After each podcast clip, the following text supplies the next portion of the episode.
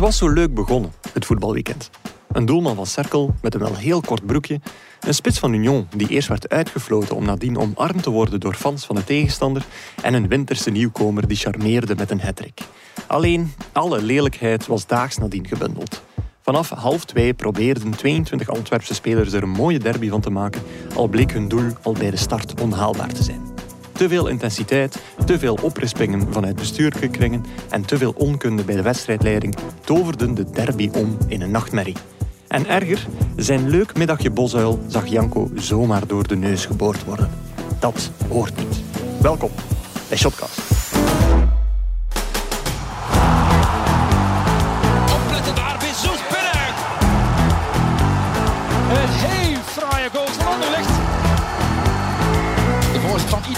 Ito, Onuachu, Onuachu. Dat is een goede voorzet van Aken met de goal. Dag Janko. Dag Guillaume. Onheilspellende foto in de WhatsApp-groep van Shotcast afgelopen week. Jij live vanuit de spoed zowaar.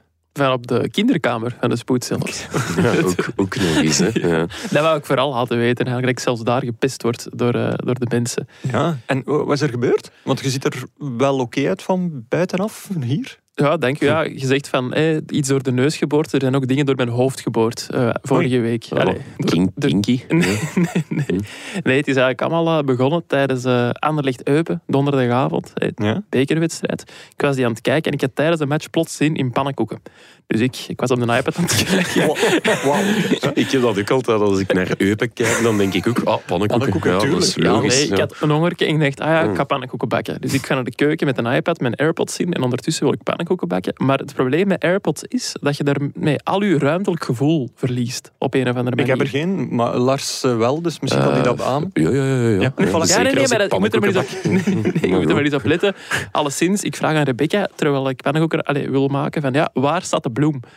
En ik buk me eigenlijk om de bloem te pakken, maar de kastdeuren boven mij staan ook nog open. En ik kom terug naar boven en ik kom met mijn hoofd los tegen het puntje van de kast terecht. Ai. Ik ga tegen de grond van, van de pijn Echt? Ja. Formidabel. Ik zou het een schwalbe durven noemen. Dus. Rebecca, mijn vriendin, komt naar, eh, naar de keuken gelopen, wil direct een pak erwten tegen mijn hoofd houden voor de zwelling. En ik zeg, oh nee, nee, nee, stop, want dat is aan het bloeien. Dus het bloeide nogal heftig, eh, mijn hoofd. Bloed en de erten. Mm. Ja, en dus ik zeg, ja, ja het bloeit. En, en Rebecca zegt, ja, nee, we moeten naar de spoed, want dat moet genaaid worden. Sowieso dat jij dat hebt Nee, gezegd. nee, nee, van, oh, en ik zie al een wit Nee, licht. nee, nee, ik wilde eigenlijk niet naar de spoed. Uiteindelijk toch naar daar gegaan en, eh, en het verdikt bleek een, een gat in mijn hoofd dat, eh, dat genaaid is. Bij, niet genaaid is eigenlijk, maar met lijm gedicht is. Ah. Maar wel een lichte hersens- hersenschudding. Ja. Ja, oké. Dus, eh, Alright, en eh, dan nog wel last van gehad nadien? Of ja, mee? vooral de, allee, heel veel hoofdpijn tot op vandaag. Ik voel ook dat ik Oei. trager denk, maar dat kan wel Je positief dat je zijn. trager Ja, maar dat kan goed zijn, want dan praat ik misschien ook trager. Nee. En, Nee. en ten derde, ja, vrijdag ook niet kunnen werken, want toen zag ik nog zo wat dubbel. Wow. En dat, dat Ik heb dat ook schrijft... op vrijdag.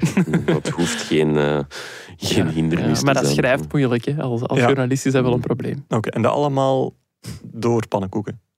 Ja, dat door onze keukenkast, hè, door de Ikea En hoe zijn dan in die kinderkamer terechtgekomen? Omdat mensen u aanschouwden zoals ik u bekijk? Of? Ja, ik weet dat niet. Ik denk dat dat gewoon de enige kamer was die, die nog vrij was. En Ja. er hing toevallig zo'n kindertekening aan het plafond. Dus ik denk dat dat de kinderkamer was. Ze hebben ook direct... Ik denk dat ze het niet heel ernstig namen of zo, mijn probleem. Want ze kwamen binnen. Twee stagiairs. Ja, wij zijn eh, twee stagiairs en we komen naar uw verhaal luisteren. Dus toen dacht ik ook al van, ah, oké. En ik begin mijn verhaal. Ik zeg van, ja, en ik wilde pannenkoeken bakken. En die begonnen eigenlijk te lachen zoals jullie. Ja. Dus eh, het was eh, een speciale donderdagavond. Oei, Nee, nee. dat is wel een goede opleiding dan. Als je Ja. alle patiënten begint uit te lachen. eh. Dus, man, Zou dat iets voor mij zijn dan? ah, ik weet niet, ja, heb jij strafrestoten meegemaakt dan, eh, dan Janke? Dus Ja, ook? nee, dan niet. Nee. Maar we zijn maandag willen gaan eten in de Meven. Ja, Een leuk uitje. vleesrestaurant op Antwerpen-Zuid. En ja, ik was bezig met mijn klein. Ik moest die klaarmaken in bed leggen. Ik denk, ja, ik heb geen tijd meer om mij om te kleden. Ik ga gewoon zo. Je weet dat niet, maar wij zagen Dus- u een spoed passeren met de fiets. Want wij zaten eh, nog iets te drinken in de Zurich, denk ik. Die koersbroek was er wel echt over. Ja, ja, ja, toen had ik die nog aan. Maar we komen daar toe en dat was echt veel te fancy. Hè. We waren daar, allee, of ik was daar zodanig underdressed dat het een beetje gênant werd. We hebben het voor de opname gezegd dat, Ja. dat we heel blij waren dat jij mee was om, eh, om ik de lat zo laag te leggen. dat gezegd. ik heb dat gezegd. Ik heb aan zelfspot gedaan. Ja. Ehm, ja, nee, ja. maar het was goed. Was leuk, Goeie teambuilding, ja. Goed gekozen, hè, Janko? Eh, zeker, amai. Wie dat daar is opgekomen. Dus dat. Ik heb ook wel wat meegemaakt nog eh, afgelopen week. Sorry Ik, dat we het niet vroegen. Nee, voilà. Eh, ik ben zo waar. Ik ben, niet zo voorkomen waarvan ik dacht van dit zou nooit gebeuren in mijn leven, omdat ik daar wel op let, maar ik ben bestolen geweest. Oeh, Dat is Ja. nu Scheidsrechter of waardigheid. zo? Ja. Waardigheid nog iets anders? Door scheidsrechters? Door de videoref? Nee, effectief bestolen in de Zoo van Antwerpen. Oei. Oei, Antwerpen. Ja. Ja, ik ben vrijdag naar, eh, naar de Zoo geweest. Eh, en eh, ja, eh, met, met Billy, en, eh, dus vrouw en kind. Maar niet voor uzelf. Nee, niet voor, niet voor mezelf. Alhoewel, ik een dierentuinbezoekje, altijd heel leuk. Mhm. En eh, ja, dus met buggy en al. En ook een, een, een rugzak met wat, met wat kleren en wat tutjes en, eh, en eh, eh, flesjes en al. Ja, inderdaad. En eh, plotseling eh, was die weg. Die was Oh, weggenomen. heel de muggie. Nee, nee, nee, niet heel de buggy. Gewoon die rugzak.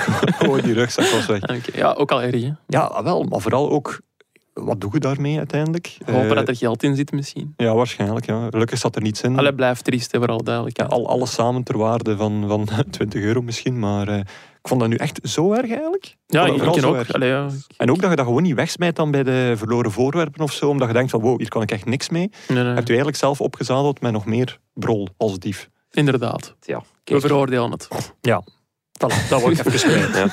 Stoute wereld. Goed, we gaan eh, overschakelen naar nog meer zwartgalligheid. Namelijk de zondagmiddag van ons vaderlands voetbal. Komt-ie. C4 Maandag.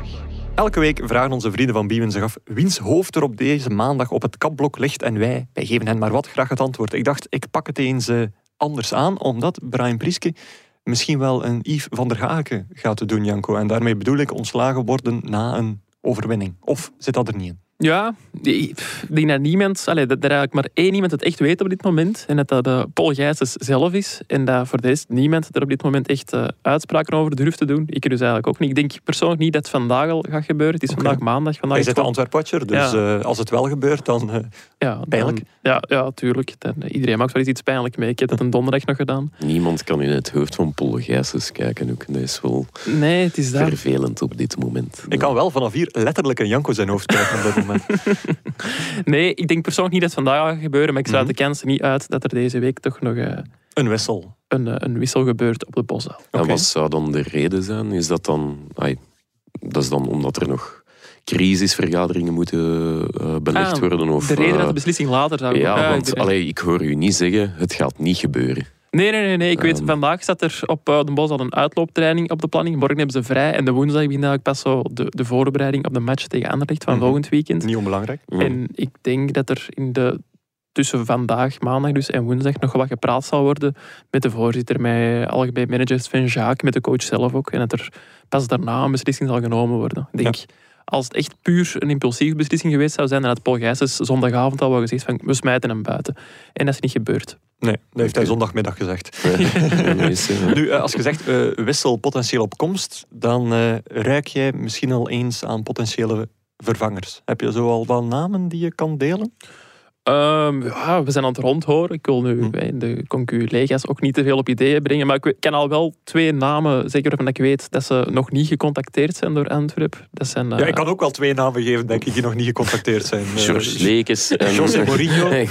ja, ik stel ook heel moeilijke vragen. Hè. Nee, maar ik weet, een naam die allee, vrij eh, luid de ronde deed op de bos, dat was eh, Michel Prudhomme. Oké. Die eh, zegt dat hem nog niet gecontacteerd is door, eh, door Antwerp. Frank Verkouter, een oude bekende, Ja. die zou eh, ook niet gecontacteerd zijn en het zelf ook niet echt zien zitten. Ja. Dus eh, die twee kunnen we wel uitsluiten. Voorlopig. En mag ik eens iets vragen? Als je zo... Veel moeilijke vragen Nee, nee, als met je een een, een, een mogelijke opvolger hè, zo geprobeerd dan uit te vissen wie dat, dat is. Hè, en je zegt nu, ja, eh, zowel Perdon als Verkouteren zegt nog niet gecontacteerd te zijn.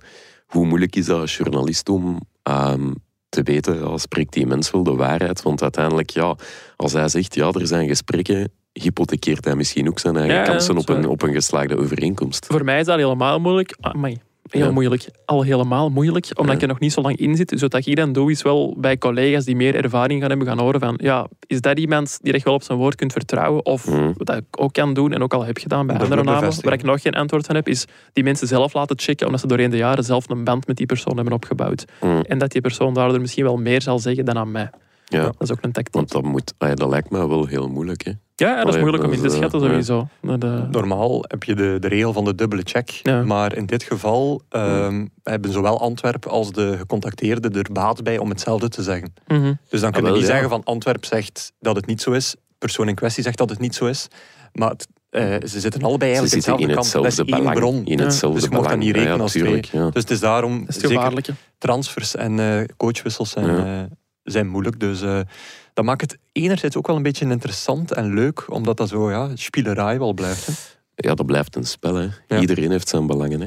Het is wel, Een journalist wil het nieuws, een trainer wil graag aan de Mhm. slag. En Antwerp ja, wil vooral geen slapend honden wakker Nee. maken misschien. Allee, het, is, het is een spel langs drie kanten. Ja, Ja, eigenlijk. ik vind het ook wel leuk om over na te denken. Zo van, wie maar zou ja. ik nu zelf pakken als ik, als ik Paul Gijsens was? Allee, of zou ik Brian Prisk laten zitten? Want dat is voor alle duidelijkheid ook nog een optie. Ja. Misschien niet moeten we ze biedt wel even zo de achtergrond doen van Ah ja, ja, ja. wat is er eigenlijk gebeurd. Misschien Ja. nog één keer nadenken, omdat je zei van... eh, eh, omdat het leuk is om er zelf over na te denken. Was er niet zo'n vorige periode waarin dat Antwerp zo dacht aan ex-speler Louis van Gaal? Niet dat dat haalbaar is, maar hoe, hoe de max zou dat zijn als Van Gaal plotseling aan de zijlijn van de Bosuil Ja, staat? dan, word, dan, pak ik, dan word ik abonnee. Ja. Ja, ja, nee, dat meen ik echt. Ja, dat dat meen is- ik echt. Ik ben grote fan van de persconferenties van Hein van Azenbroek bij ons Ja. in, de, in de Pro League.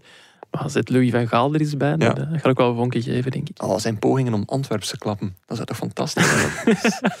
maar gewoon ook, Ik eh, zou gaan zien. Ik zou echt... Ja, ook, ook mm. tactische voetbalwijsheid, want we maken er nu al meteen een Nee, karikatuur van. Maar dat is gewoon een gigantische Ja. voetbalkenner. De Ja, man, de legend. Oké. Goed, eh, Janko, zoals eh, Lars zo mooi suggereerde. ehm, doe eens uw relaas van uw dag op de Bosuil. Ehm, hoofdpijn, om te beginnen. Ja. Eh, nee, dat, ik wou er heel graag bij Al zijn. vier keer dat is zo gemeld. een wedstrijd. Zo, Misschien ook wel even zeggen dat het de stadsderby was tegen Beerschot voor de Ja, mensen ja, die want onder een steen geleefd Dat wou hebben. ik net zeggen. Van, dat is zo een wedstrijd uit mijn jeugd dat ik altijd al eens wel wilde bijwonen. Zo Antwerp-Beerschot. En Het was Mhm. misschien ja, de laatste kans in jaren, aangezien dat Beerschot wellicht eh, naar 1B gaat In zakken. jaren zelfs. Je begraaft die al meteen voor meerdere jaren in Ja, één twee jaar is ook jaren. Hè. Ja, klopt. En eh, ik wilde er dus heel graag bij zijn. Het was ook wel de moeite voor de wedstrijd. Hè. Toffe sfeer, de harmonie of fanfare. Ik weet niet niet hoe ik het moet noemen op de Antwerp. Harmonie in Mechelen. Die, daar Ja, die daar rondkwam. Heel tof. Antwerpen eigenlijk ook heel goed begon aan de match. In eh, een licht gewijzigd systeem. Mhm. tien heel goede minuten waarin dat ze niet scoorden. Daarna Beerschot er eigenlijk zo wat de bovenhand nam. En Antwerpen dat op achterstand stond bij de rust. En dan Ja. tijdens de rust bereikte mij al zo wat onheilspellende verhalen over een voorzitter die de kleedkamer van Antwerpen zou zijn binnengegaan. Welke voorzitter zou het zijn? Paul Gijsens dus, die dat al een paar keer te sprake is gekomen. Na rust Met zoon eh, trouwens. Met zijn zoon Ja, naar binnen. zoon gaan. eh, Michael was er inderdaad ook bij. Werkt die voor Antwerp? Ja, die werkt, Ah, die zit oké. mee in de raad van bestuur. Ah ja, oké. Eh, en, ja, ik wist nog niet. Ja. Ja, ja, Oké. die is ook betrokken bij Gelamco en dus ook bij Antwerpen. Ehm tweede helft zet Antwerpen de scheve situatie dan toch nog recht met dank aan eh, Michael Vrij, die twee keer scoort. Mhm. wordt dan 2-1 voor Antwerpen. En je denkt dan eigenlijk dat dat groot feest gaat zijn op de Bosuil. Hè, dat, dat iedereen in, in extase gaat zijn, want dat ze de scheve situatie hebben rechtgezet. Dat was ook zo bij de supporters. Voor de supporters was dat Ja, wel zo. die- ja, Die wisten op dat moment ook nog niet wat er allemaal gebeurd was tijdens de rust en zo natuurlijk. Mhm. Maar dan kwamen ze in de catacombe en dan... De spelers die waren nog wel relatief blij en zo, maar ik hoorde hier en daar toch al zo wat, wat dingen zeggen. Maar vooral Brian Priske zagen we plots niet verschijnen voor de tv-camera's, wat al Ja. heel opvallend was. De uitleg... Rudy Cosse, die Ja, eh, de Rudy assistent. T2, kwam dan eh, de reacties doen. En de uitleg was dat een trainer eh, nog wat emoties moest verwerken. Mhm. Dat vond ik een vrij rare uitleg, om eerlijk te zijn. Dat komt zelden voor. Ja, Ja, zeker na een overwinning. Eh, maar ja, stilletjes aankomen, dan zo wat de puzzelstukjes bij elkaar en zo, krijg je te horen wat er allemaal juist is gebeurd tijdens de rust. Ja. Eh, zal ik misschien even schetsen? Paul Ja. komt de kleedkamer binnen, zet eigenlijk iedereen op zijn plaats. Spelers en technische staf. Het gaat er nogal hard aan toe. Brian Priske, die, die komt iets later. Die komt nog van het veld volgens mij. Die Mhm. hoort wat er aan het gebeuren is in de kleedkamer. Die komt, die komt ook binnen. Die zet daar eigenlijk zijn eigen voorzitter op zijn plaats. Zegt van, it's a fucking disgrace. Een schande wat dat Mhm. hier allemaal aan het doen zijn. Dat hij... ai, dus, want ik heb die zin ook gelezen en dat ging niet over de prestatie van Nee, zijn team in de eerste helft, wat ook wel op zijn plek geweest zou zijn, want Het was het was richting niet goed. Nee, maar het was echt ja. richting, eh, de voor, richting zijn baas dan. Ja, richting de bazen inderdaad. Die vonden het niet kunnen dat hij zijn spelers zo op hun plaats kan zetten. Hij wilde, wilde het eigenlijk opnemen voor zijn spelersgroep. Mhm. Waarop ja, Gijsens en Priske nog een paar woorden hebben gewisseld. Nogal, eh, nogal luid, want het was te horen tot buiten de kleedkamer. En eh, dan is Gijsens buiten gelopen en heeft er nog iets geroepen van... eh, hij Hij- gaat buiten. hij ik zeg het u, hij gaat, hij gaat eruit. Ja. Ik Ja. zeg het u, hij gaat eruit. Dus ja, dan begonnen we ook al wat te twijfelen aan, eh, aan de positie van Priske. Begonnen Uiteindelijk- dan pas te twijfelen. Ja. Ja, toen hebben we al die verhalen hoorden wel. Ja. Ja, ja. En dan uiteindelijk kwam Priske wel nog opdagen voor, eh, voor de, de persconferentie. Ja. Toen had hij de emoties wel verwerkt, blijkbaar. Maar ook Mhm. nog niet allemaal, want je zag wel dat hij nog altijd zo... Ik zeg niet dat hij tranen in zijn ogen had, maar je zag wel dat er zo, ja, wat vuur in zijn ogen of zo. Hij, hij zag er anders uit dan anders, om het zo te zeggen. En ja, dan kwamen er zo wat vragen van... Alleen niemand durfde het echt te benoemen wat er was gebeurd. De olifant in de, Ja, in de kamer. Zo. je weet niet wat dat je collega's allemaal weten op dat moment. Dus je wilt soms zo, Ah, soms, ja, eh, zo, dat soort verhalen ja. ook wel een beetje voor jezelf houden. Ja, ja. Maar op een gegeven moment wordt er dan toch gevraagd van... ehm, ja, en, eh, en, en tijdens de rust, hoe is het er, er dan aan toe Wie heeft dat dan gedaan? Jij? Het laatste nee, nieuws? nee, nee, het was eh, iemand van het laatste nieuws. Het was Ja. Frank de Keizer, denk ik. Ja. En ehm, hij wou daar niet echt op ingaan, Priske. Maar op een gegeven moment begon hem dan wel zo te zeggen van... Ja, ik kan alleen maar zeggen dat ik iedereen met respect behandel. En dat ik dus ook verwacht dat iedereen mij en vooral mijn spelers ook met respect Er zit behandelt. eigenlijk wel heel veel in. hè. Dat is een, een Ja, kleine steek ja. naar, kleine. voorzitter. Ik vind dat toch wel... eh allee, voor zo publiekelijk dan te, Ja. te zeggen, vind ik dat wel sterk. Ah, maar oké, en dan persconferentie eindigt. Prieske blijft... eh, ja, kan natuurlijk niet zeggen of hij, of, hij, of hij weet dat hij blijft of niet. Nee, nee, want dat is hem heel vaak gevraagd. Ook, Ja. Ik denk tot drie keer toe, tot, tot zijn eigen ergernis op den duur. En Ja. gewoon echt te zuchten op den duur. Allee, kom, kom, vraag het maar, kom, zeg het me. Ja. En ja, ik had, er, ik had er een beetje mee te doen eigenlijk. Ik had zo wat medelijden. Ja, en dan persconferenties gedaan. Jij zondert u terug af met de collega's van, van GVA en het Nieuwsblad. Mhm. En dan? Want je hebt honderd verhalen om te schrijven van die match. Ja, ja, ja er waren er inderdaad meerdere. Wij hebben nu ervoor gekozen om het groot verhaal op te hangen. Allee, in GVA hebben ze de ruimte om, om de Antwerpse Ja. ploegen iets uitgebreider te belichten. Dus hebben ze ook de, de scheidsrechtelijke beslissingen heel groot uitgelicht. Ja. hè, In nadeel van Beerschot. Mhm. in het meeste van de gevallen. Maar ik heb vooral gefocust op eh, wat er tijdens de rust is gebeurd en de reactie van Priske daarop. Maar dat was niet het enige dat er is gebeurd. Hè, want Ja. we hadden ook de wissel van Richie de Laat, wat dat Ja, ook wat wel was dat exact? een Ja. verhaal is. Dat is wel iets raars aan de hand. Want Ja. ik dacht, ik zat thuis de wedstrijd te bekijken en, en ik dacht van, ah, hij heeft wel last van de knie of zo, werd er geopperd. En eh, er werd teken gedaan om naar de kant te komen, maar hij deed eerst met zijn vingertje van, ik is blijf verder spelen, maar uiteindelijk moet hij dan toch Ja. naar de kant. Ik vond het raar, want ik vond hem persoonlijk ook niet, niet zo slecht spelen. Maar blijkbaar moeten we dat ook op een gegeven moment zelf aangegeven hebben dat hem last had van zijn knie. Mhm. Werd hij inderdaad toch gewisseld en ja, ging niet alleen recht de kleedkamer in. Hij is ook gewoon recht naar huis gereden. Hij heeft de match niet meer uitgekeken in de tribune. Hij is gewoon zijn eigen gaan douchen, de auto ingesprongen en naar huis Social gereden. media verwijderd. Ja, Twitter of- of afgesloten, afgesloten. Instagram afgesloten. Misschien wel slim, een kwestie van geen impulsieve reacties, maar dat kun je ook zonder dat je dat verwijdert. Hè. Dus, Het ding is, ja. het, het, je wilt jezelf beschermen, maar net omdat je dat doet, gewoon alleen al het feit dat dat afgesloten wordt, is eigenlijk Ja. weer een extra element dat bewijst van oei, er zit wel iets scheef. Er zit een serieuze haar in de boter. Want na de match, en om nog even terug te komen op de positie van Priske, Ja. bijna alle spelers namen het eigenlijk voor hem op. Allee, alle spelers Ja. die, die on the record hebben gepraat, zijn de Manuel Benson, Rajan Angolan. Maar ik kan me voorstellen dat een Richie de Laat, toch ook een van de leiders in de kleedkamer, misschien Ja, toch niet meer helemaal achter de coach staat. Hoe, is het off the record dan? Omdat pro, kunnen ze de, de coach moeilijk Thibaut Courtois, Wilmots EK 2016 Mhm. Beels afvallen publiekelijk? Eh, maar hoe zit het dan off the record? Is de late iemand die, ik ga niet zeggen Prieske liever kwijten dan rijk is, maar nu ook weer niet de grootste fervente tegenstander, eh, meestander is van hem? Nee, allee, ik denk dat de Laat had het niet per se alleen over Priske zelf in, zijn reactie na de wedstrijd. En dat het blijkbaar met heel de... Allee, ik heb hem zelf nog niet kunnen spreken of zo, maar Ja. naar wat ik hoor was die een, eh, eigenlijk pissed off over heel de situatie. Eigenlijk. En niet alleen over de coach. En ik denk ook wel dat, dat die reactie in het moment zelf is en dat hij ook wel anders zal reageren vandaag als hem alles een beetje heeft kunnen laten bezinken. Dus ik zou er nog geen te grote uitspraken over Ja. doen over staat al dan niet nog achter de coach en zo. En is er dan een groepje binnen de spelersgroep die stampij maakt tegen. Prieske? Nee, nee, helemaal niet. Nee, ik zeg het, want on the record inderdaad. Ja, is off the record misschien ook niet dus. Makkelijk. Nee, want het was ook in de catacombe te horen, want hey, we weten, het is er afgesloten ondertussen, maar ik hoort nog altijd heel veel. En hoorden we zelfs Rajan Angolan in de, in de spelerstunnel roepen van, je gaat hem toch niet buiten smijten na zo'n match. Dus allee, dat ja maar ook ik vind, dat, ik vind dat wel een heel opvallend gegeven dat ze zich allemaal achter Priske Ja, dat scharen. en dat siert hen. Maar ik merk daar, gisteren merkte ik daar zeker in die eerste helft niks van. Mocht ik, mocht ik, ja, ik, vond, ik vond dat echt. En dat is al weken aan de gang. Dat was vorige week op Brugge zo, dat was gisteren thuis tegen Beerschot zo. Een, een totale gebrek aan, aan overgave, aan Ja. passie, aan wat altijd de grote sterkte is geweest van Ja. Antwerpen de Maar afgelopen jaren. Om dat gelijk te stellen aan ze spelen voor of tegen een coach. Nee, ik zeg niet dat ze er tegen zijn. Ik, ik vind het contrast tussen de openlijke eh, Mhm. grote woorden na de wedstrijd en hetgeen dat je ziet op het veld, Ja. ligt nogal ver uit elkaar naar mijn gevoel. Ik Ja. zeg niet dat ze spelen om een buiten te shotten, dan niet, maar er moet dan toch iets scheef zitten als je het zo goed met de coach eh, voor hebt en dus dat dat blijkbaar geen probleem is, dat dat, Mhm.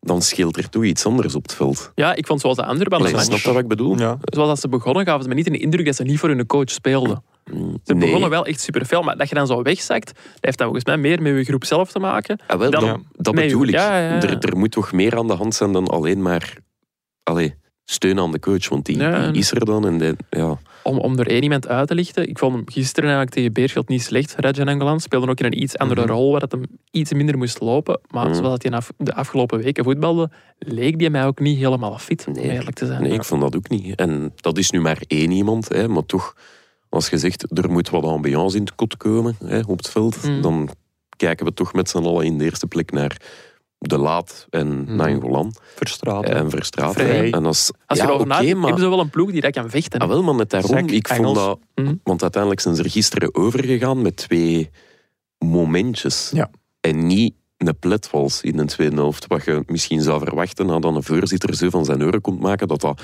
dag en nacht verschil was. Ik vond dat helemaal niet. Een winst die geen winst was. ja, eigenlijk. het is het waren de derby gewonnen en uiteindelijk toch allee, verlo- allee, Ja. verloren in de zin van... Ja, Ja. rustig is het er niet. Hè, Het is af te wijten, want ergens, allee, het kan ook positief uitdraaien voor Antwerpen. Dat je als groep nog dichter bij elkaar komt door wat er tijdens de Mhm. rust is gebeurd. Ik zeg niet dat het allerslimste is om te doen zo tijdens de rust aan de kleedkamer. Ik wil het ook niet, niet veroordelen, want ergens begrijp ik het ook nog wel. Maar ik kan me wel voorstellen dat je als groep nog dichter bij elkaar komt door zoiets. En dan eh, Rajan Angolan, Mhm. ook zoals ik, zo een beetje te doen heeft met Priesken op dit moment. En er ja, misschien, Misschien nog harder voor wilt wel, gaan. Of zo. En dat stapje ja. meer toch wil doen. Wat dat jammer zou zijn, want je zou dat altijd moeten doen. Hè. Maar Ja. ik kan me er wel iets bij voorstellen. Om in epidemietermen te spreken, eh, het herstel volgt meteen na het diepste dal. Dat is Ja. waar, Mark. Dus, Goed. Eh, gek genoeg zijn we hier een kwartiertje, twintig minuutjes over bezig. En is dat niet eens eigenlijk, denk ik, het verhaal van de derby? ja, ik vond van wel. Ja, Maar dat ik is een snap kwestie van keuzes, wilt. ja. Maar ik denk ook, eh, en ze zullen daar zeker langs Paarse zijde eh, mij gelijk mee geven, dat eigenlijk ja, hetgeen wat Beerschot allemaal overkomen is, of zelf eh, ook gezegd heeft, dat dat misschien wel het verhaal van de derby was. Want ik zal het even quoten. S'avonds kwam er een... het was geen verklaring of een statement van Beerschot. Er was... de voorzitter, Francis Franke, werd eigenlijk gebeld. En die liet weten... eh, en ik quote, te hebben geschrokken bij de integriteit van de wedstrijdleiding. En als je zoiets hoort, zo van eh, oeh, het woord integriteit, dan eh, ga je toch meteen op het puntje van je stoel gaan staan. Dan gaan de alarmbellen af. En het is te zijn geschrokken ook. hè. Ja, ze zijn ook geschrokken. Eh, en eh, ja, het is ook redelijk duidelijk hoe dat het allemaal werd ingegeven. Zijn de race discutabele beslissingen van eh, scheidsrechter Nathan Verbomen en het VAR-team. Eh, op een rijtje geen gefloten strafschop eh, op Sebawi. Een eh, tweede gele kaart voor Thibaut de Smet. Een niet gegeven tweede gele kaart voor eh Sek. En eh, ook nog een voorafgaande fout op Benson. Eh, die een goal van Shankland uiteindelijk via de VAR afkeurde. Dat is heel wat. Ja, ja, zeker en vast. Ik moet eerlijk zeggen, bij het grootste deel van de beslissingen, dus twee van de drie heel belangrijke beslissingen, vind ik eigenlijk wel dat de scheidsrechter het gewoon met het rechte eind had. Ah, wel, ik, ik stel voor dat we ons niet uitgebreid Ah. wagen aan gewoon zeggen van ah ja, dat was voor ons fout of dat was voor ons geen fout. We hebben dat vorige week ehm iets te veel gedaan met onder meer eh, Hans van Aken. Dan hebben we daar gigantisch veel reactie op gekregen. De mailbox eh, eh, peilde uit. Niet dat we die reactie niet willen of zo. Maar we hadden ook expliciet gezegd van we willen het graag in een breder kader steken van refs en leiding en ik weet niet wat. Dus anders gaan we nogal heel hard weer al Mm, daarop gaan focussen van is het juist of is het niet juist. Ja, ik denk dat het punt gewoon was van... ehm, ja, het bredere beeld was denk, denk ik dat de hoofdtref gewoon een heel slechte wedstrijd floot.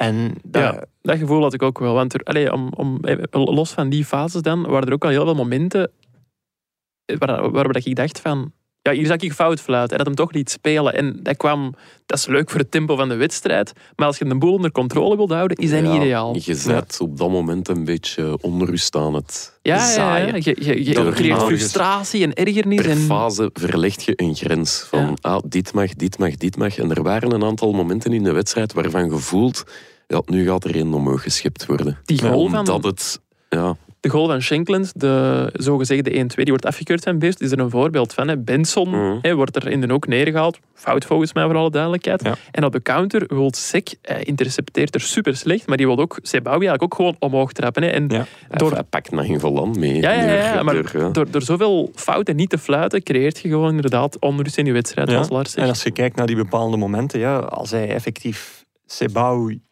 de overtreding van Buté op Sebaoui ziet, Mhm. is de kous af. En vooral bij Benson. Eh, als je daar gewoon fluit, dan wordt er niet, ge, dan wordt er niet gezaagd Nee. over was het wel een clear error, was het wel dicht genoeg bij, of relevant genoeg voor de uiteindelijke goal. Nee. Dan moet je gewoon fluiten, want iedereen is ermee akkoord dat dat gewoon op het veld een, eh, een, een overtreding was. Mhm. En ehm, ja, ik, ik denk dat hij daar... De, de VAR maakte ook fouten eh, Mhm. in deze wedstrijd. Ja. Maar Verbomen had gewoon een veel betere wedstrijd kunnen fluiten. En, en dat is eigenlijk de basis van dit alles, denk ik. Maar ja, ook nog geen reden om dat soort statements die de wereld in te gaan sturen. in, in twijfel te trekken. We hebben het hier, of ik heb het hier een paar weken geleden over Racing Genk nog gezegd en de opvallende berichtgeving op de En wij knikten vrolijk mee. Ah ja, ja, ja, omdat dat nogal gekleurde eh, wedstrijdverslagen waren. En je moogt altijd vanuit een Genks perspectief of een Beerschot perspectief Mhm. vertrekken in uw verslaggeving. Ah, maar gisteren was het, allee, het, het een nieuw dieptepunt bereikt, vond ik. In communicatie vanuit een club. Hè. Dus het begint al met eh, het, het artikel op de website hè, als titel Scheidsrechter en VAR bepalen resultaat. Nu, ik spreek mij niet uit of dat daar iets over te zeggen valt of niet. Ja, dat is nog niet helemaal Dat is nog niet helemaal. eigenlijk. Nee, maar Allee, wat ik dan zeg. Beerschot speelt gisteren, want dat vergeten we allemaal met de, met de, met, voilà, met de miserie in de catacomben en de scheidsrechter. We vergeten ook gewoon dat Beerschot gisteren ja, verdiende te winnen zelfs. En, en gewoon Minstens een, een een, punt. een, een heel goede wedstrijd speelde. Eh, dus dan zou ik zeggen vanuit Beerschot zijnde, oh, weet je, misschien moeten titelen op Beer, goed Beerschot of, of, of fris Beerschot eh, krijgt niet wat het Ja. verdient. Daarmee zegt, eh, voor de goede verstaander zit dat daar ook in. Ja. Maar dan benadrukte ook wel gewoon even van... Hey, klopt u maar op de borst, want Mhm. dat mag na een prestatie als de die. Eh, dat gebeurt dan niet, maar dan vooral de, de, ja, de laatste passage, de laatste alinea. Dat vond ik het ergste. Dat vond ik het ergste. Dat wat was, nog, er? Dat was nog drie meter verder in de grond dat ik Oké. roep van plaatsvervangende schaamte. Dat ging dan ehm, over het doelpunt van Vrij, zijn tweede goal. Ja. Eh, dat was genoeg voor een gevleide derbywinst met een serieuze strik rond. We hebben er niet op gelet, maar het zou ons niet verbazen dat Reffer Bomen die winning goal juichend meevierde. Ja. Ik vind eigenlijk eh, schrijnend en, en echt ongelooflijk ambetant dat ik daar tijd aan moet besteden. Maar Mhm. ik kan het gewoon niet laten passeren. Dat Ja. gaat niet meer. Stop ermee. Mhm. Want je Stel je voor dat wij dat eens zouden schrijven. dat Mhm. wij zo'n dingen... Ja, ik vind dat, dan ik dan vind dat echt... terecht op staande voet ontslagen. En ik begrijp dat ze kwaad zijn. Hè? En, en, en geen enkele club wil op die manier eh, een aantal beslissingen in zijn nadeel zien uitdraaien. Maar een beetje waardigheid, nogmaals. Ja, dit, dit, allee, ik snap niet dat daar Vanuit een bond of vanuit een of andere disciplinaire raad kunnen toch wel een keer zeggen Ja. van mannetjes, scheidsrechters hebben het al zo moeilijk. Ja, een beetje clementie mag ook wel. Hè? Ja. En ik begrijp niet dat daar ook vanuit de club nergens een sluis of een filter op zit van kijk, we zijn kwaad, misschien moeten we morgen allee, een nachtje slapen en misschien gaan we morgen ons, ons ongenoegen kenbaar maken, wat mag. Maar, maar niet op zo'n schaamteloze manier eigenlijk. Nu, ik begrijp ook de emotie en ik vond ook eh, het telefoontje naar eh, voorzitter Franken, dat, dat klonk al heel anders. Eh, die, ehm, die had betere, duidelijkere verwoording en die stelde zich vragen bij. Die zei ook van vanaf maandag, vanaf vandaag gaan we dat laten onderzoeken. En hij verwees dan ook naar een, een werklink van Nathan Verbomen bij ehm, 6D of 6D Sports Nutrition. Sports Ja. Nutrition. Eh, geen sponsor, maar wel een partner van Antwerpen, waar dat hij eigenlijk een, een adviesrol eh, in speelt. En dus met partner, bete ja, dat betekent eigenlijk niet meer of niet minder dan wij leveren die, die spullen aan, zoals ze bijvoorbeeld ook bij, bij Quickstep doen. En Antwerp maakt daar gebruik van. Ik denk aan shakes, ik denk aan gelletjes, Ja. eh, ik denk aan dat soort zaken. Ehm, Maar om dat al direct als sluitend bewijs te gaan beschouwen voor een complottheorie, dat vind ik dan wel een, een, ja, een, ja, een brug, en misschien zelfs eh, meerdere bruggen Ja, te en, ver. en vooral, hij sleurt er propere handen bij. Hij, in zijn discours Dat wel, ja. laat hij het gewoon even vallen. Zo van, ja, maar in het licht van propere handen. Dan denk ik van, maar je zet, je zet allee, dingen op een hoop aan het gooien. Ja. Je zet Dat is makkelijk. een, een, een publieke complottheorie aan het voeden. Terwijl je eigenlijk als voorzitter op dat moment allee, De serener bewaren, kunt zijn. Die sprong is, is, is sprong te snel gemaakt. Ja. Eh, ook, ja, we mogen ook niet vergeten, eh Nathan Verbomen heeft een paar fouten gemaakt, maar bijvoorbeeld de goal van Shankland laat hij wel doorspelen in het voordeel van Beerschot. Dus dat Ah, moet je er niet bij gaan halen, Nee, want als het nee, van hem nee, had is waar. gelegen Als was- het van Verbomen had afgehangen, was dat gewoon een geldig doel, Ah, wel, allee, ja. doelpunt geweest. Dus, dus we moeten al de VAR-ploeg erbij nemen. En ik denk nu ook niet dat alle scheidsrechters die aanwezig waren of iets te betekenen hadden rond deze wedstrijd, allemaal bij dat specifieke voedingssupplementenbedrijf werken. Dan hebben we echt een probleem, denk ik. Dat, dat, zou, dat zou inderdaad raar zijn. Eh, maar ja, er zijn nog een paar andere eh, dingen die, die wel in het voordeel van Verbomen spreken. Namelijk, ja, volgens zijn LinkedIn werkt hij al sinds 2020 eh, voor dat bedrijf. Eh, Antwerp was toen ook al een, eh, een, een partner.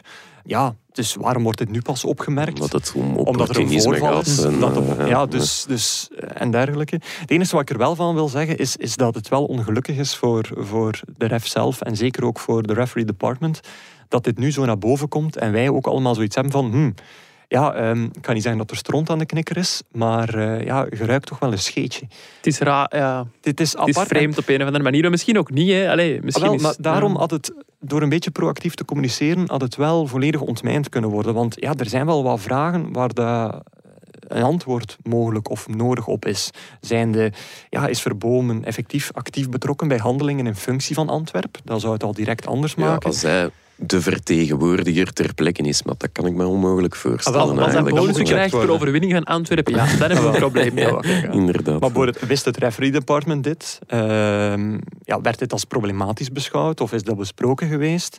Ehm, werden de clubs hiervan op de hoogte gebracht? Want er is toch ook geregeld overleg?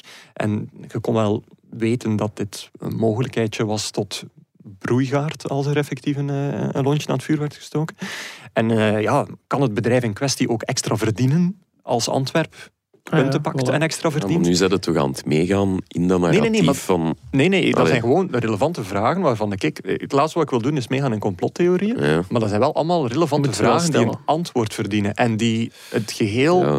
eerder zouden kunnen ontmijnen dan versterken. Maar dat zijn gewoon relevante vragen die Mhm. een antwoord verdienen om feitelijk naar deze case te kunnen Ja. kijken. Ik zie in mijn eh, linker onderhoek, li- linker onder ooghoek, dat die eh, volop gesteld worden, die vragen, door eh, een aantal collega's. Oké, Die zijn ermee bezig. Ja. dat is goed. Ik zie Maar, in de WhatsApp-groep passeren van de collega's die dat, ah, daarover daarom. bezig zijn. Ja, moeilijke verwijzing dit. wel, welk kaboutertje zit er naast eh, Janko die constant dingen...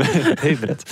Eh, dat zijn gewoon relevante vragen die een antwoord verdienen. En niet om iets te verstevigen of Nee, te nee, ontkennen, maar wel- gewoon om het te weten. ja. Ik ga er toch vanuit dat daar niks... Allee, Ah, wel. Ja, Ik, ik wil er niet van uitgaan, ik wil het weten. ja, Ja. oké. ja, Als het antwoord nee ja. is, is het ook duidelijk. Nee, hè. nee, dat is... Goed. Trouwens, fun fact, de referee department, waarvan je denkt van, goh, er is toch weer wat gebeurd de afgelopen weken, zijn de maanden. Eh, het maandelijks babbeltje is alweer uitgesteld. Eh, het ging normaal doorgaan eh, deze week. Het is al meteen uitgesteld naar 20 april. Maar dat is Dus al de vierde maand de prij of zo. ik, dat denk dat het, ja, de laatste keer dat het doorgegaan is, is november. Waar denk jij ik. er, denk ik, Ja, met oktober of vuist. November. Eh, en eh, ja, het is belangrijker dan ooit, maar het wordt altijd uitgesteld. Een paar keer door corona, maar nu zie ik niet meteen een, eh, een aanleiding. Dan denk ik van, goh, ik zou toch niet wachten tot na de reguliere competitie om het nog eens op te nemen. Nee, inderdaad. Goed. Mag ik verder blijven doorgaan op de slechte kant van voetbal? Nee, liever niet eigenlijk. Allee, Nee? gaan we niets positiever doen nog? Allee, één, ding gewoon om het te zeggen, eh, zijn de ja, een dramatische gebeurtenis in Mexico. Eh, wedstrijd eh Querétaro tegen Atlas. Spreek ik dat correct Spaans uit, eh, Janko? Ik heb speciaal voor u het accentje er ook al gezet, zodat je geen fouten kon maken. Oké, dank u. Eh, ja, eh, rellen. De aanleiding van die rellen bleek moeilijker te vinden dan gedacht. Ook in de Mexicaanse media zelf Ja. hebben zoiets van, ah ja, feitelijke rellen, maar hoe en waarom was wat moeilijk. Dat is ook misschien omdat het hoe en het waarom niet zo heel duidelijk is. Nee. Zijnde van, laten we gewoon eens los op elkaar mappen. Mm. Maar ja, de, gevolgen zijn, zijn dramatisch. Ja, ik, heb, ik heb geprobeerd om zo weinig mogelijk van de beelden te bekijken. Ik heb omdat- geen beelden bekeken, omdat ik ervoor Ja. werd verwittigd. En ik dacht van, dit heb ik niet meer nodig op mijn zondag. Nee, ik Los had- van de belangrijkheid van dit Ik voorval. heb de eerste beelden gezien en dan de waarschuwing. Ik moet wel zeggen dat... ja? Heftig, doe, het, doe het niet. Nee, Doe het niet. je hebt er niks aan. Allee, ja, tenzij je heel erg kikt op, op, op waanzinnige, gruwelijke beelden of, of ja, mindfucks. En, nee. Eh, Ik zou het 17 geen twee doden. keer eh, bekijken. Ik zal het Ja. zo zeggen. Eh, 17 doden en bijna 50 gewonden. Allee, dat is waanzinnig bij een voetbalmatch. Ik zag, ik zag moeders die de shirts van hun kinderen uitdeden Mhm. om niet te laten zien voor welke ploeg dat ze supporterden. Als je al, wow. al zo ver gekomen bent. En de politie greep ook niet in. Hè. Die stond er zo wat op te kijken en eh, allee, een oogstje toe te knappen. Maar het was, het was waanzinnig. Ja, het, Nee, was, eh, inderdaad. het zou niet mogen. Nee. Het, zou, het zou niet mogen. Nee, dus, het is, eh, eh, Een nee. goede samenvatting. Ja. Oké, nu, nu is de sfeer helemaal weg. Ja, dus terwijl ik zei, laten we overgaan naar iets wel, leuks. ja, maar is zoals dat, ik zei, het begin van het herstel komt vaak na het diepste punt. Ja. Dus dat is waar, eh, laten, laten we iets, eh, iets positiefs zeggen. Ik stel voor dat gewoon iedereen iets, iets positiefs vertelt. Dat hij gezien heeft of gedaan heeft Ja. van afgelopen voetbalweekend. Janko, Dat is goed. Mag ik er twee doen? Eh, dat is goed, want dan kan ik er zelf ook twee doen. Ja, dan hebben we er tijd voor. Zal ik wel ene doen of geen? Nee, is eigenlijk kort. Ik kan nog iets positiefs zeggen over een derby ook. Dat was Ah ja, toch- over toch nog Ilias iets. Sebawi, eigenlijk de beste man op het veld tijdens, eh, tijdens een derby. Mm. Die, een, die woont in Contig en die zijn Ja. buurman daar is blijkbaar een Antwerp supporter. En die is voor de wedstrijd een ontbijtmand gaan brengen naar Ilias Sebawi. Ik zeg dat ook, maar dat Ah, ja. vertrouwde toch niet. Ja, zo Ze- ja, ze ja. voor, voor de derby, zo een paar uur voor de derby. Hier is een manneke. Hè. Nee, er zaten Goeie wel... eh, goeie koekjes. eh, Ja. ja, ja, Slechts drie jaar over tijd. ja, inderdaad. Maar als een match te zien zat er toch geen Het zat- laxeermiddel in. nee, het, zo, zat, het zat goed ineen, Nee, precies. misschien een Red Bulletje bijgestoken. Nee, er zaten ook rood-witte ballonnen bij. Maar dat vind ik wel leuke verhalen. En ja, Ja. zo kan een derby dus ook zijn. Hè. Ja. Maar dat is de derby. Ja. Snapte? Dat is, hier in Antwerpen zie je dat ook. Dat was, ik was gisteren met een maat op café, Ja. ehm, waar normaal altijd de Antwerp supporters ook naartoe komen. En ik zeg zo van, ik zeg, kom, ik ga, ik ga hier geen slapende honden wakker maken. Ik ga hier niet beginnen van, eh, heeft hier iemand de match gezien? maar ik wilde wel de fase, de penaltyfase, met, ehm met Buté en met Sebawi Ja, ja. laten zien. Dus ik laat dat zo zien aan mijn maat. En letterlijk binnen de drie seconden stond er vijf man rond ons. Dat was geen penalty, hè, maat? en ik dacht, ah, ze zijn er. En dat is dan leuk. Weet je? en die mannen zeiden ook van, ja, dat was er wel één in. Hè. Maar ja, allee, ja ze, dat, ze die kolder van... We weten het zelf wel, zo jongens. En, en Dat moet dat, dat zijn de leuke Dat, dat brengt mensen samen ook. Ja, dat is. Ja. Nu, wat ik bij Sebouw zo straf vond, die die geeft dan een interview nadien, eh, ik denk bij Dave Peters, eh, Ja. het, was, het was bij de Dave, die heeft net opwarming, eh, alles tezamen, twee uur, twee uur en een half zitten rondcrossen. Mhm. En zijn haar is perfect in de plooi. Veel dus, gel, hè. Dus Ja. dat gel, dat streepje, dan denk ik van wow. Eh, Ik denk dat hij naar straf. ons kapsalon in de Brede Reudestraat gaat. Dat is een kapsalon waar dat je ze voor 10 of 15 euro eh, kunt laten knippen. En dat is, dat is een bekende, onder de profvoetballers is dat een Ja. heel bekend Oké. Ik kan kapsalon. daar ook. Ja, is Ja. Ja. Onder profvoetballers en Ja, journalisten. ja, ik, Nee, vind het een goeie, zeg het maar. Hè. Wow, nu is het wat minder dus bij de eh. profvoetballers is dat wel geslaagd. Ehm, maar Ja. de kapper Kappers daar- kunnen ook alleen maar het begin doen. Hè. Nadien is de zelfverzorging Dat is waar. Maar die, gaat daar ook. Die, ja, uh, Nangolang gaat daar ook. Uh, Tuur Dirks is daar al geweest. Sinio eh, Gano. Gano is daar al geweest. Nangolan kunnen wel En- uitpakken En natuurlijk op- als ja, kapper. dat is. En opvallend, die, die kapper, dus de hoofdkapper om het zo te zeggen, die wordt ook soms ingehuurd door eh, clubs. Mhm. Dus die gaat dan Ah. op de club. Ah ja, voor degene die wensen uiteraard, gaat hij het herdoen. Ik denk dat hij al bij Schalke en Dortmund, Dortmund, geweest is. ook. Chelsea, Inter. Ja. Dus bij. Angolan echt ook. wel de, de eh, voetballerskapper, de Dus zo voetbalkappers. EK, WK's is, is perfect voor die man dan. Misschien moeten we daar zo... In, voor het WK moeten we allemaal een keer bij de kapper passeren. Ja. En Ja, dan zijn we zo strepen in ons haar en zo. We gaan dat doen. Dat is ook cool. Op die muur daarachter, de stoelen, hangt ook zo ja, een, een wall of fame met alle bekende voetballers dat hem al heeft geknipt. Ja. Kan je er niet bij. Nee. Ja. Nee. Dat was mijn volgende vraag, helaas. Zo, ging hij geen twee leuke positieve dingen Ja, ik zal mijn tweede korter doen. Ehm, ik wil het over eh, de stilstaande fases van Union hebben. Abo, Ehm, wijs. ik had er eigenlijk twee, maar ik ga er maar eentje uitpikken. Ze kwamen eh, op Kortrijk eh, vrij vroeg 1-0 achter. Mhm. En ik wil het hebben over de 1-1 van Union. Want Die komt er na een vrije trap. Allee, eigenlijk niet na een vrije trap, maar een van corner. Nielsen. corner van uh, Thuma. Die wordt binnengetrapt door Nielsen. Maar ik begint eigenlijk een beetje vroeger. Er wordt Ja. eigenlijk een fout gemaakt ter hoogte van het middenveld op Nielsen. Scheidsrechter wil het voordeel geven op dat moment. Ja. Maar Felice Manzo maakt langs de lijn zo hard van zijn oren dat ze toch een vrije trap krijgen. Dat, terwijl dat Union nog gewoon in balbezit is, dat Union toch een vrije trap krijgt. En volgens mij is dat heel bewust gedaan van Felice Mazzu, omdat hij heel goed weet hoe sterk dat zijn ploeg is op Ja. stilstaande fase. Want op die vrije trap, die Dus Nielsen zelf de trapt... pre- pre- pre-assist ja, van dat is de Felice pre- pre- pre-assist van Mazzu. Die vrije trap van Nielsen, die wordt door eh, de keeper van Kortrijk, Ilic, op de lat gewerkt. Belandt eh, buiten, hoekschop voor Union. Union doet een Nielsen. Sorry, het is de pre pre pre pre pre pre Ja, het is wel een lange uitleg eigenlijk. Daarmee heb ik het heb ingekort. Maar dus, en op die hoekschop trapte mij naar de rand van de 16, waar Nielsen uiteindelijk de 1-1 binnentrapt. Een Ja. beetje vergelijkbaar met de goal tegen Anderlecht. Tegen Anderlecht. Dus alleen, ik vond dat wel straf. Van, allee, ten eerste niet sterk van de scheidsrechter, dat hem zich zo laat beïnvloeden door Matsu langs de lijn. Maar wel goed gezien van Matsu om daar toch even die druk te gaan leggen en die vrije trap af te dwingen. Want, om er ook nog even cijfers bij te halen en Guillaume gelukkig te maken. Union heeft nu al 19 van zijn 65 goals gemaakt op stilstaande fase. En is daarmee Veel, de koning van de stilstaande fase, samen met Cercle Brugge. Oké, Dat is dat bijna is mooi. 1 op 3. Dat is wel gigantisch. Ja. Ik, wil dat draaiboek aan varianten van Union eh, bij stilstaande fasen ook wel eens zien. Ik weet niet of het al Bram Verbiestachtige proporties zal aannemen. Maar ehm, ja, er zijn er wel een paar eh, ondertussen die je kunt waarnemen. Dan Eh. signaal gezien of zo? Ja, het ding is, eh Thuma, denk ik, bij die specifieke corner, die, Ah. die, ja, die maakte zo'n Zaza, Simone Zaza-achtige aanloop. Je weet wel dat hij zo... pasjes. De korte pasjes.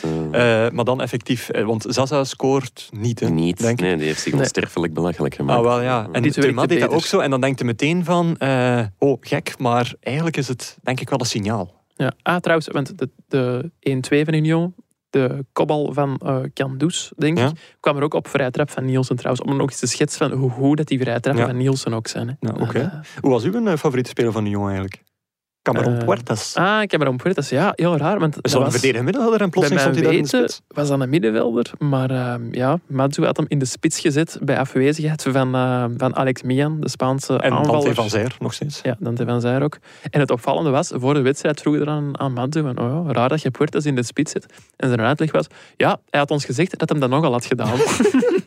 Oké dan. Ja. Ik kan ook een keer naar Felice bellen en zeggen van, ik heb ook nog linksbak gespeeld. Eh, misschien eh, kan ik nog bij u in de ploeg terechtkomen, jong? Toch liever Lapoussin, denk ik. Ah, ja. Goed. Trouwens, eh, zijn spitsbroeder, Oendaf, kwam er terug bij. Ja, ehm, bestaan er eigenlijk mooiere of leukere of, of lekkere, meer lekkere, lekkerdere Lekkerder. wereldgoals dan zo'n heerlijke treffer, buitenkantje voet, die niet gewoon in de goal, maar effectief wegdraait in het zijnetje. Ja, er bestaan veel mooie. Ah, dat- allee, er is toch niets dat leukers dan zo'n trap? Nee, maar ja, dat vind ik wel. Omdat Ja. dat, ik ga niet zeggen dat het een, een, een Piet-goal is, maar ik, ik heb er wel zo'n kleine zei theorie. zelf dat het lucky was. Ja, maar het is wel zo'n theorie dat ik zo een beetje heb. Is zo van, je merkt aan alles als dat soort ballen binnenvliegt. Hè. Dat Ja. is een ploeg die in vorm zit. Dat is een ploeg met vertrouwen. Eh, waarmee ik niks afdoe aan de kwaliteit van het schot van Undaf.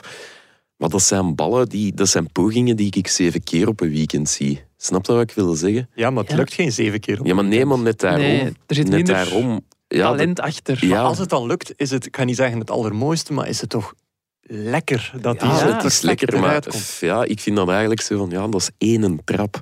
Terwijl ik dan zoiets heb van, Ja, oké. oh, een keer een schoon opgebouwde aanval over zeven, zes eh stationnetjes. Maar ik zeg niet dat hij nu 25 keer per match dat moet proberen, hè, maar Nee, maar het is toch gewoon een keer Ja. lekker zo. van- Maar ik vond hem niet... Allee, hij raakt hem ook niet zo goed, denk ik. En ik vind dat wel leuk om te zien. Als je zo'n Wow. volley of zo... Nee, hij raakt hem op zijn buitenkant en daardoor gaat hem in die winkelaak. Je hebt ook van die volleys waar je ziet, hij raakt hem echt zo vol op de voet. Dat vind ik leuke Ja. trappen. Of zo Frenkie de Jong met, met Barcelona tegen Napoli vorige week. Die dat van aan de rand van de 16 Ja. zo'n bal in de winkelaak netjes, plaatst. netjes broseren. Ja, met zijn binnenkant van de voet. Dat vind ik Heel klasse. beheerst. Dat vind ik ook een veel mooier goal. Omdat dat er het- veel meer techniek en Ah, bedoeling achter zit. Dan, maar ik zeg niet dat het technisch het, het eh, beste is. Ik zeg gewoon, het is lekker. Ja, Ja, maar ja. niet het allerlekkerste. Nee. Maar die is altijd lekkerder. er. De, Maar de supporters van Kortrijk, Voilà. die, die gaven mij gelijk. Los ervan, ja. De hele tijd uitgefloten, Oendaf, maar nadien heeft hij 10 minuten selfie staan. Hij heeft eh, wel eh, staan zieltjes gewonnen, ja. En dan, dan hij wel een groot eigenlijk. Mocht ook wel, want hij had er wel op, op zijn kerfstok staan de laatste maand. Of ja, eh, ik had er een beetje schrik voor. Hè. Na Club Brugge Union heeft hij daar een interview gegeven waarin hij toch een beetje eh, kritiek had geuit op de scheidsrechters. En Mhm. ik, ik Ja, vreesde zo juist. van, oh nee, de sympathie voor Union gaat beginnen afbrokkelen of ze worden nerveus omdat Mhm. ze ja, in, een, in een situatie zitten die ja, is toch van wel moeten de, de nodige van stress mogen, met zich eh, meebrengt. Maar ja, dan zie je dat de zaterdag, dat is, eh, ja, en dan zie je dat hè, voor kinderen of voor jonge fans stelt dat eigenlijk maar, ja, dat is een goede shotter. Ja. En dan maakt dat eigenlijk niet uit of dat die in het rood of in het geel of... Ja, en dat is wel vrij de essentie, vind Het is wel ik. mooi dat dat wordt gezien. Ja, dat vind ik wel. Ja. Oké, ehm, ander positief momentje. Ah, Ikzelf. Nog even. Oh, ja, eh, mocht. ja, puur feitelijk niet vergeten dat ze nu zeker zijn van een eh, plaats in de Champions Playoffs. In de Ja. top 4. Ja, dat is Want iedereen ja. gaat er zo aan voorbij. Maar ja, Dat is wel nieuws. Allee, dat is wel ja, opvallend. hè. wie voor het seizoen had gezegd en Union gaat de eerste zijn, dat zich ervan verzekerd. Ja. die hadden we nu nog in een Ja, dwangbuis en steken. vooral eh, Europa is ook bijna zo goed als binnen. Hè? Want niet vergeten dat de winnaar van de reguliere competitie een, eh, een ticket krijgt voor de voorronde van de... Oh, eh, oh, ik weet het niet echt meer hoe. Of, of nu Conference League of Europa League is. Ja. Eh, maar sowieso, ja, ze staan zeven punten voor op nummer twee. Ja. Er zijn nog maar vier matchen in de reguliere competitie. Ja, dat is... ehm, ja, Europa is binnen voor Union. hè. Mhm. Ja, we gaan niet spelen volgend jaar. Ehm, is nog niet zeker, IJssel waarschijnlijk. Nee, Dat is dat dichtbij. nog- ja, het zou Ah, kunnen, maar dat is nog niet? Oh, zeker. Nee, niet. Ja, we zullen wel zien. We volgen het op. We ja, we, Dat we staat normaal in het licentiedossier voor welke dingen dat ze de aanvraag hebben gedaan. Ja, maar dat kunnen meerdere Was dingen zijn ook. Dat kunnen er meerdere zijn. Was het niet in Leuven dat dat Leuven ook een optie was, dat Gent een optie was. Eh, ja. Bretsom. ja. Zoek, Misschien moet Brett dan een keer opzoeken. ga snel eens door het eh, licentiedossier aanvraag van, eh, van Union. Het zijn slechts 176 pagina's. Control F, hè. Goed, eh, ja, mijn positief moment. En eh Janko heeft het al even aangekaart. De koning van de stilstaande fase, Union. Maar ik denk dat, dat Cercle Brugge dan nog een beetje meer is. Oké dan. Ja, e- enerzijds, Ja. oké dan. Eh, enerzijds hebben ze, ja, eh, denk ik, Gert Verheyen een natte droom bezorgd. Eh eh nogal Ook. vreemd voor iemand van, van Excel Brugge, omdat ze hebben echt getoond van, het is een ploeg met diepgang. En als er één ding is waar dat Gert Verheyen in zijn wekelijkse panna met Koen van Uitvang een nieuwsblad over eh zanikt bijna, is het diepgang, of vooral gebrek eraan. Ja. Eh, ze hebben gespeeld in Genk, 2-2, zeer toffe partij, sterk cirkelen voor Ja, rust en een veel beter Genk dan in de eerste helft na rust. Eh, Goeie Denkie ook trouwens. Ja, Vond ik goed spelen. ja. Eh, maar die eerste goal van Cerkel vond ik echt wel smullen. Dat was zo letterlijk gestart bij een inworp op 70 meter van de eigen goal. En twee passen later ja, stond eh Rabbi Matondo, denk ik, stond dan één voor het Ja. doel. Dat is Eh, wel een voordeel natuurlijk als je zo iemand Ja. voorin hebt lopen. Ja, dus dan spelen ook wel naar je kwaliteit. Ah, wel, en, goed afgewerkt, hè. Allee, zo, die kap, allee, eerst niet goed afgewerkt, maar in de rebound, vooral die matig kap... verdedigd ook. Ja, op zo, wat Maar- niet bij je goal tackelde toch, hè. Ja, oké, maar zwart. Ja. Eh, vooral goed gedaan van, eh, van Rabbi. Eh, en eh, ja, dan zag je aan alles van, wow, dit is diepgang. Dit is direct naar de goal gaan op een manier waarop dat er een idee achter zit en niet gewoon blind naar voren trappen. En ik heb eens gekeken naar de cijfers en een leuk statistiekje. Cercle geeft gemiddeld 2,16 passes per keer dat ze in balbezit zijn. 2,5. Dus dat is wel weinig. dat is heel weinig. Nu, dat is eh, niet zo... Ja, andere ploegen zitten soms aan, aan drie, vier. Vier is al veel eigenlijk, omdat ja, je hebt daar duels waar dat je wint en de bal zijn direct kwijt, dus dat brengt wat naar beneden. Maar 2,16 is eigenlijk wel, is, is wel laag, bij de laagste van de competitie. Dat toont aan dat het een ploeg is die direct speelt, die eh, snel speelt en die ook wel risicovol speelt. Namelijk Mhm. een risicovoller pasje, pasje durft te geven. Tegen Genk waren die cijfers over die passes trouwens waanzinnig. Eh, de voorwaartse passes die effectief aanval betekenden, eh, die hadden een slagingspercentage van 83%. Wat waanzinnig hoog is. Dat is hoger dan het gemiddelde passingspercentage van andere ploegen die constant naar elkaar spelen van, van verdedigen naar verdedigen. 83%, dat was echt, dat was echt zot.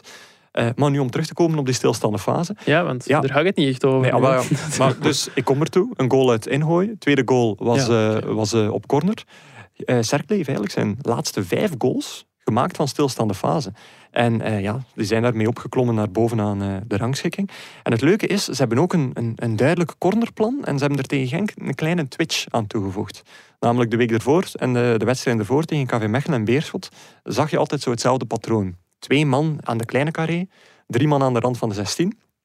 En Dino Hotic die gewoon ballen pompt naar het penaltypunt. Die ligt ze Ja, ook wel Ah, wel, ja. Doet ook veel, hè. formidabel. hè. Ah, wel, kijk, en nu, dus echt zo penaltypunt. Eh, er staat dan ook een man aan de rand van de 16 in de, de tweede zone, tweede Misschien voor de luisteraar, Guillaume doet heel veel beweging met zijn vingers en handen op dit moment. Daar hebben jullie niks aan. Bij onderbreken zal het eh, helpen, eh, te, zal het nog meer helpen te visualiseren.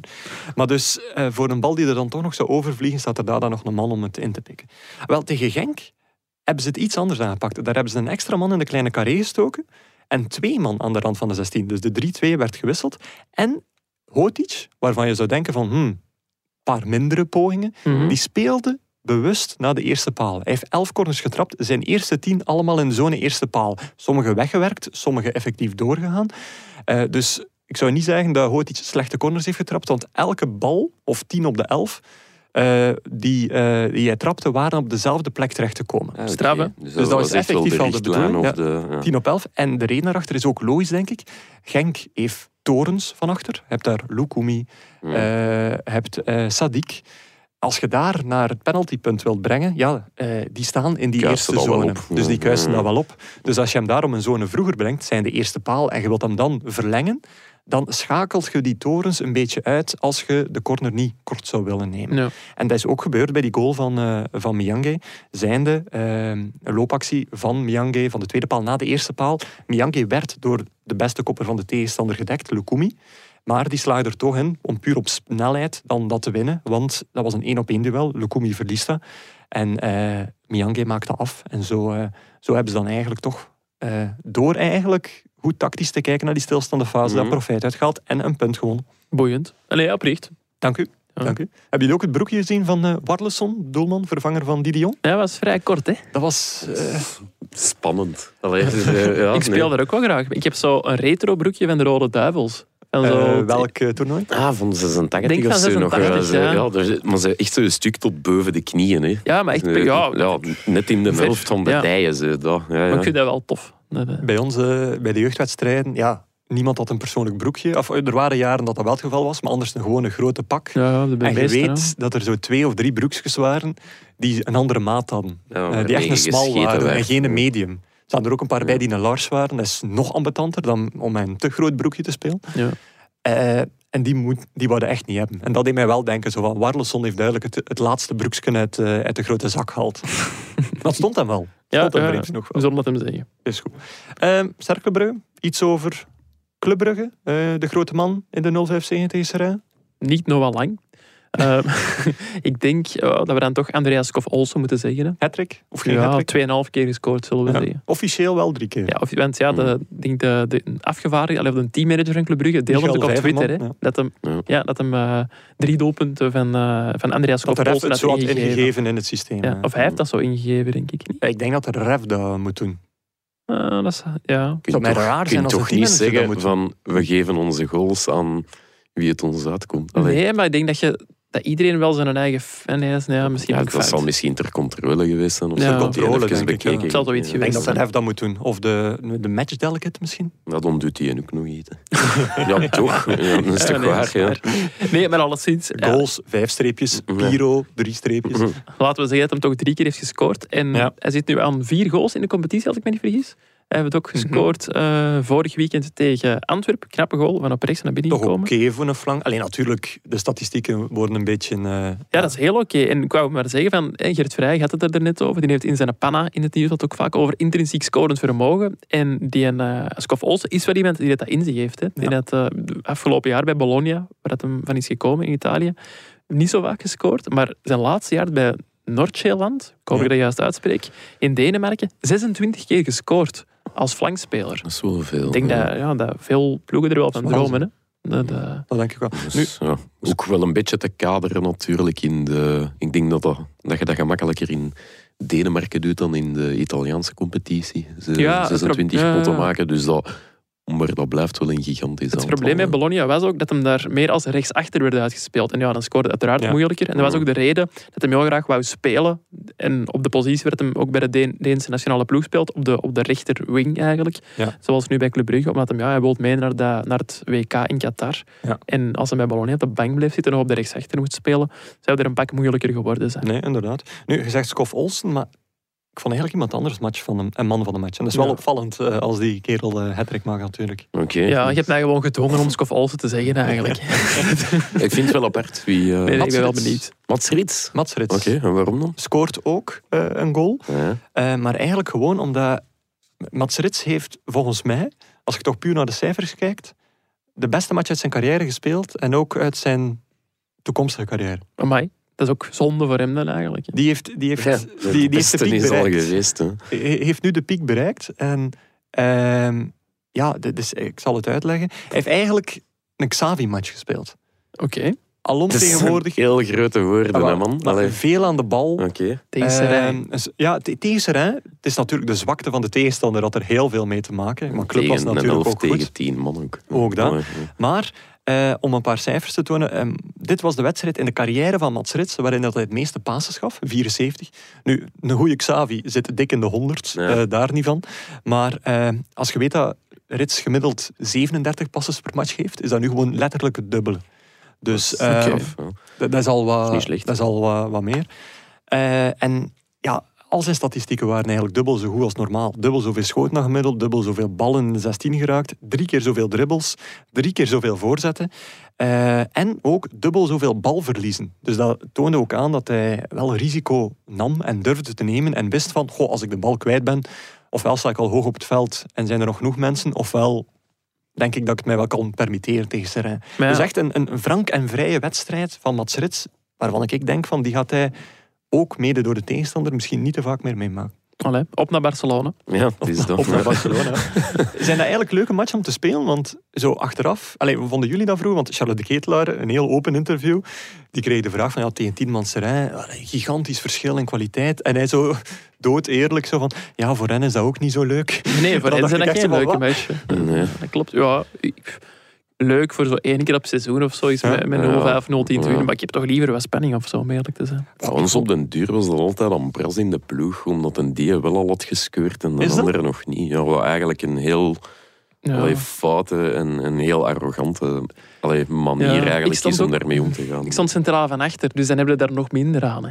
Maar ik, ik stond linksbank. ba- Bank. ah, ja. ja, we snappen het. Ik stond linksbak en, en dan zijn dat wel zo de matchen waarvan ik hoopte van, ah, nu ga ik er eentje kunnen maken. En dat gebeurde dan soms wel. Soms.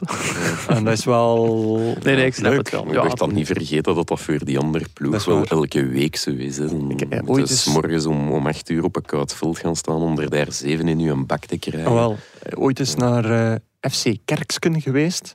Bij de scholieren was dat. Ehm, ja, dat was eigenlijk een ploeg die gewestelijk speelde, maar toch in de, in de provinciale eh, competitie was beland. Die eh, hadden nul punten. Die verloren elke match met 10, 15, 20, 0. Wij zijn daar ook uiteindelijk 1, 23 gaan winnen. We zijn 1 al achtergekomen trouwens. Echt? echt waar, echt waar. Fenomenaal. 1, 23. Maar Foutje dat- van de linksback. dat was echt zo. eh, ik, stond, ik, ja, ik, ik stond linksbak, wat half links voor was. Ehm, en op een gegeven moment, het is, het is de vijftiende tegengoal. De kapitein van Kerksken die, die gaat zo gaan aftrappen. En wat doen die? Ja, die, die staan zo rugbyhouding gewijs met de, met een bal tussen, tussen zijn, in eh, een cirkeltje of... En, nee, en, hij, en de scheidsrechter fluit en hij zo 34, 58, 22, hot, hot, hot. Pakt een bal met zijn handen, smijt dan naar achter. En dan de kerel achter hem begint ze te lopen. Heel die ploeg begint mee te lopen. En doet eigenlijk een try Ah, ja, in de goal. En dan beginnen ze te juichen. En wij stonden er allemaal bij. What Ene kerel, namelijk de, de rechtsbak, dus mijn rechtstreekse tegenstander, die bleef daar staan en die begon letterlijk te janken. Zo van, dit is niet meer leuk, dit wil ik niet meer. Dus het is inderdaad niet leuk Ze, voor ze blijven eh, toch een beetje anderen. plezant. Zo Ja. houden ze zich wel bezig. Voor tien van de elf mannen. Ja. Ik zie Serijn het niet doen volgend weekend. Nee, nee. Dus, eh. Lars, jouw positief eh, dingetje van, eh, van het Ah, weekend. jawel, ik heb eh Sascha Kliestan nog eens tegengekomen. Oh ja. Eh, Oh, op, de Twi- palieter? op Twitter Ah. Ja. Nee, ja, die eh, heeft eh, afgelopen weekend van shirt gewisseld met ene Chris Haggard. Oké. Voilà. En ik zal het verhaal erbij doen. Ik zal het verhaal bij doen. Het is niet de eerste keer dat eh, Haggard een shirt krijgt van Kleestan. Oké. Eh, Ah, oké. Want twaalf jaar geleden, toen Kleestan nog naar Anderlecht moest komen, maar toen nog in Amerika eh shotte, heeft hij eh, die speler al een keer een shirt gegeven, want die lag toen op de kinderkankerafdeling. Oh, man. En die was grote fan van Sascha Kleestan. En ja, dat was zo van, ah ja, we gaan, Oh, met de, ploeg, we gaan met de ploeg een bezoekje brengen. En. Kleestan heeft daar toen een shirt gegeven. En nu, afgelopen weekend, stonden ze tegenover elkaar op het veld. Dus hij is nu eh 20 jaar, middenvelder bij Charlotte FC. Goede Ja. naam ook wel. En na de match eh, kwamen ze elkaar weer tegen en, en had Kleestan zo een aantal ja, bemoedigende woorden, zoals dat dan gaat. Van, amai, het is eigenlijk, yeah, it's really amazing to Ja. see you. Zo, echt op zijn Amerikaans. Typisch maar- Amerikaans maar in dit, maakt, ja. in dit dingen is dat echt wel leuk. En dan hebben ze van shirt gewisseld. En ja, die gast was ook echt wel zo... Ja, Opgetogen. nogal onder de indruk Ja. en Een emotioneel. omdat straaltje dat, zon door het wolkendek Voilà, omdat dit weekend was. alles komt zo een beetje terug. En allee, het gaat goed met hem. Dus dan is dat eh, heel mooi. En, Vind- ja. voilà, meer moet dat niet Ja. zijn soms. Nog iets uit het eh, buitenland. Eh, heel mooie eh, Oekraïne toch even vermelden. Mooie ehm, eerbetonen of ondersteuningen Ja. vanuit... eh, in België niet zoveel. Eh, wel met Roman Bezous eh, tegen, eh, met agent tegen Zottewaren. Maar voor in Duitsland, Engeland waren er wel grote Ja, in, de, in campagnes. de beker uh, Anderlecht en Eupen ja, juist. embleem Dat was ook een heel mooi, voor, eh, en die shirts worden nu geveild. Kunt klopt. misschien nog eens eh, op dat van Gomez bieden. Maar dat stond al op het duurste. Je kunt die Eh, shirts kopen. Hè, dus, ja, eh, ik weet het. Ik heb vorig jaar dat van Adriano, maar deze winter heb ik er uiteindelijk geen gekocht. Nee, maar dus nu kun je dat voor eh, via... Wat is dat? eh, Ja, match, matchwornshirts.com, ja. denk ik. Oké. Het stond al op 600 euro, nog voor de match gedaan. Kunnen dat kwijt, Janko? Nee. Oké. Daar kan ik kort over zijn. Eh, Nog iets in het buitenland? eh, misschien de Manchester Derby. En waarom?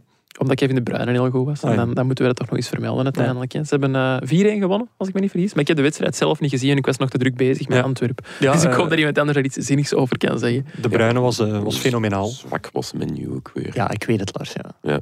Ah, juist, je bent een United supporter. Ik dat al bekend ik heb ook sympathie voor United, maar dat, het wordt moeilijk om die sympathie te, in stand te houden. Het is, het is moeilijk, want eh, het was dan nog Gert die het doorstuurde. Hij, hij, hij omschreef het als een suggestie voor de aflevering misschien. Ja, hij heeft de match Klootzak. wel gezien. Eh, maar eh, hij vond KDB, KDB, KDB, KDB magistraal. Maar United echt zwak. En hij had een statistiekje bij om het ja, te duiden. Zijnde in minuut 87 lieten ze blijkbaar een ja, de, percentage balbezit van de laatste 10 minuten zien. En dat was een ontluisterende 88 versus 12. 88. Ja, City heeft dan nogal gekund, hè. maar Ja, dan maar spreken we wel over... ja. Nee, voilà, dan spreken we wel over de, de mindere goden uit de Premier League. Maar eh, dat is ja, nee, vernederend, pijnlijk. Schrijnend. Straffend toebak. Ja. schrijnend. Ik stel voor dat we meteen naar de afsluiter gaan, want het is een mooi gevulde Ja, aflevering zeker, geweest. hè? Zeker. De voetbalvergadering wacht. Oké, dan gaan we dat doen. Dit was het alweer, uw wekelijkse update over de voetbalwereld. Geen quiz, zoals u die in het vorige seizoen van ons gewoon was, maar die hevelen we wel over naar onze donderdagafleveringen, waar een van ons allen het in de quiz zal opnemen tegen de gast in kwestie. Wat staat er deze week in de krant, Janko? De vergadering moet nog beginnen, want we nemen nu terug op in de ochtend. Eh, dus we, we maken ons weer kwetsbaar voor een eh, C4 maandagje. Klopt. Ehm, ja, ik- ik ga zoiets op de vergadering wel iets voorstellen over Antwerpen uiteraard. We gaan nog wel iets aan opvolging doen. En ehm, ja, wat ik graag zou willen doen, is wat proberen in het hoofd van Paul Gijsens te kijken. Toch een beetje schetsen van, ja, wie is die man? Waarom gaat hij tijdens de rust aan de kleedkamer?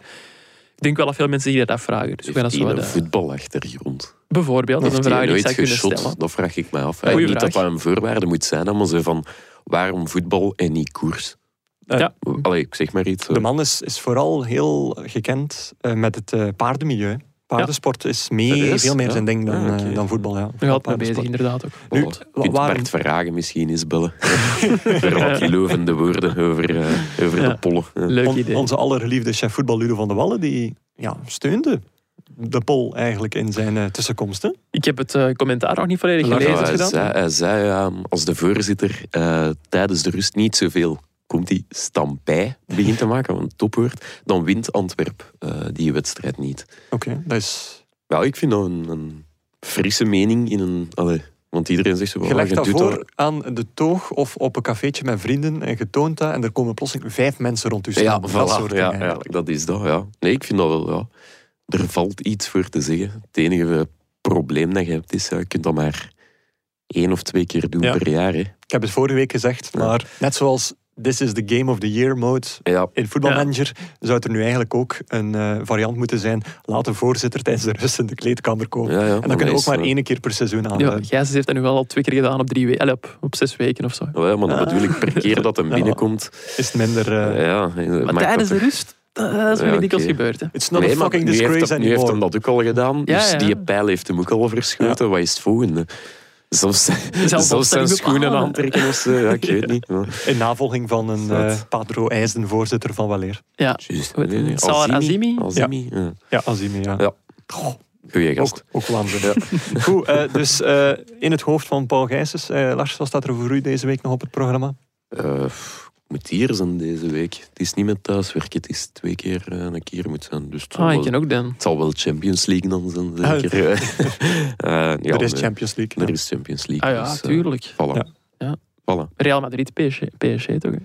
Eh, Aja- Ajax, Benfica, ook. eh, daar kijk ik wel naar uit eigenlijk. Ik denk dat dat pas Oh, of is dat Volgende volgende, week week? is. Ah, Ja. wel, dan kijk ik daar nu Ja. al naar uit voor volgende week. Voilà. kalender Ja. van de Champions League is een van de moeilijkste... Sinds die dat zo die achtste finales ja. volgen, hè, dat is waanzin. Sinds dat dat Waanzin. uit elkaar is gehaald, ben ik daar ook wel niet meer de Dat is, dat is moeilijker dan de opzet van de Nations League. Eh, ja. Ja. Dat is waar. Goed, dan eh, ga ik zeggen dat de mensen die Megascore missen en zich toch graag wagen aan een gratis prono met vrienden nog steeds terecht kunnen bij bchamp.bwin.be. Uitgegeven door onze vrienden van Bwin, exclusive bettingpartner van de Pro League, de Europa League en de Conference League en dus niet die gekke achtste finales van de Champions League. Goed, was het voor vandaag. Eh, mensen geniet nog na van het afgelopen weekend en ik zou zeggen, tot de volgende keer.